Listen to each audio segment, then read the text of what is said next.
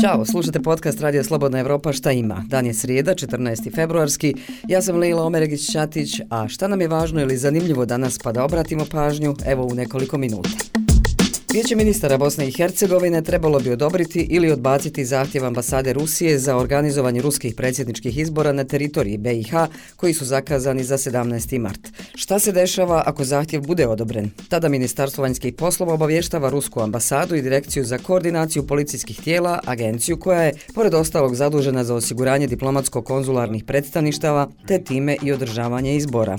Nije poznato koliko ruskih državljana u BiH ima pravo glasa. Inače, ranije je potvrđeno da će Rusi moći da glasaju u ambasadama u Albaniji i Sjevernoj Makedoniji, dok se još ne zna za Srbiju i Crnu Goru gdje ih oko 55.000 ima prebivalište. Pored ostalog, ministri će razmatrati prijedlog odluke o privremenoj suspenziji i privremenom smanjenju carinskih stopa pri uvozu novih električnih i hibridnih automobila do kraja ove godine.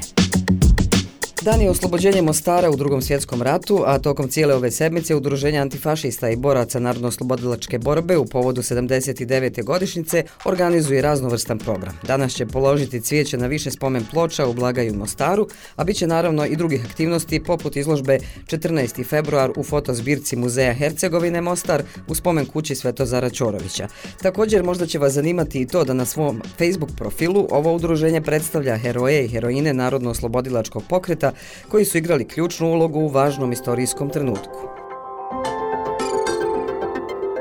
Lana Pudar nastupa u Dohi na svjetskom prvenstvu u plivanju.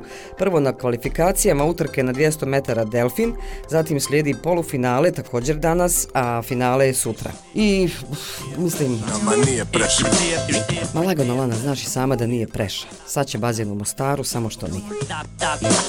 Tako bude keša.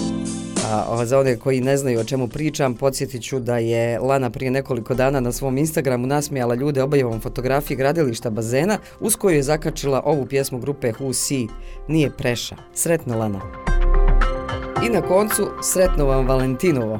U oči dana zaljubljenih širom svijeta uzgajivači i uzgajivačice cvijeća rade punom parom, a oni u Kolumbiji imali su težak zadatak, a to je da ispune zahtjeve Sjedinjenih država za jedan od najprometnijih i najvažnijih dana u godini u ovoj industriji. Kako kažu u Kolumbijskom udruženju izvoznika cvijeća, ova zemlja je između januara i februara 23. izvezla 52.000 tona rezanog cvijeća za ovu proslavu. A s druge strane svijeta objavljuje Reuters, indijska grupa Bajrang Dal je uoči Valentinova protestovala protiv dana zaljubljenih, držali su velike čestitke u rukama koje su onda zapalili.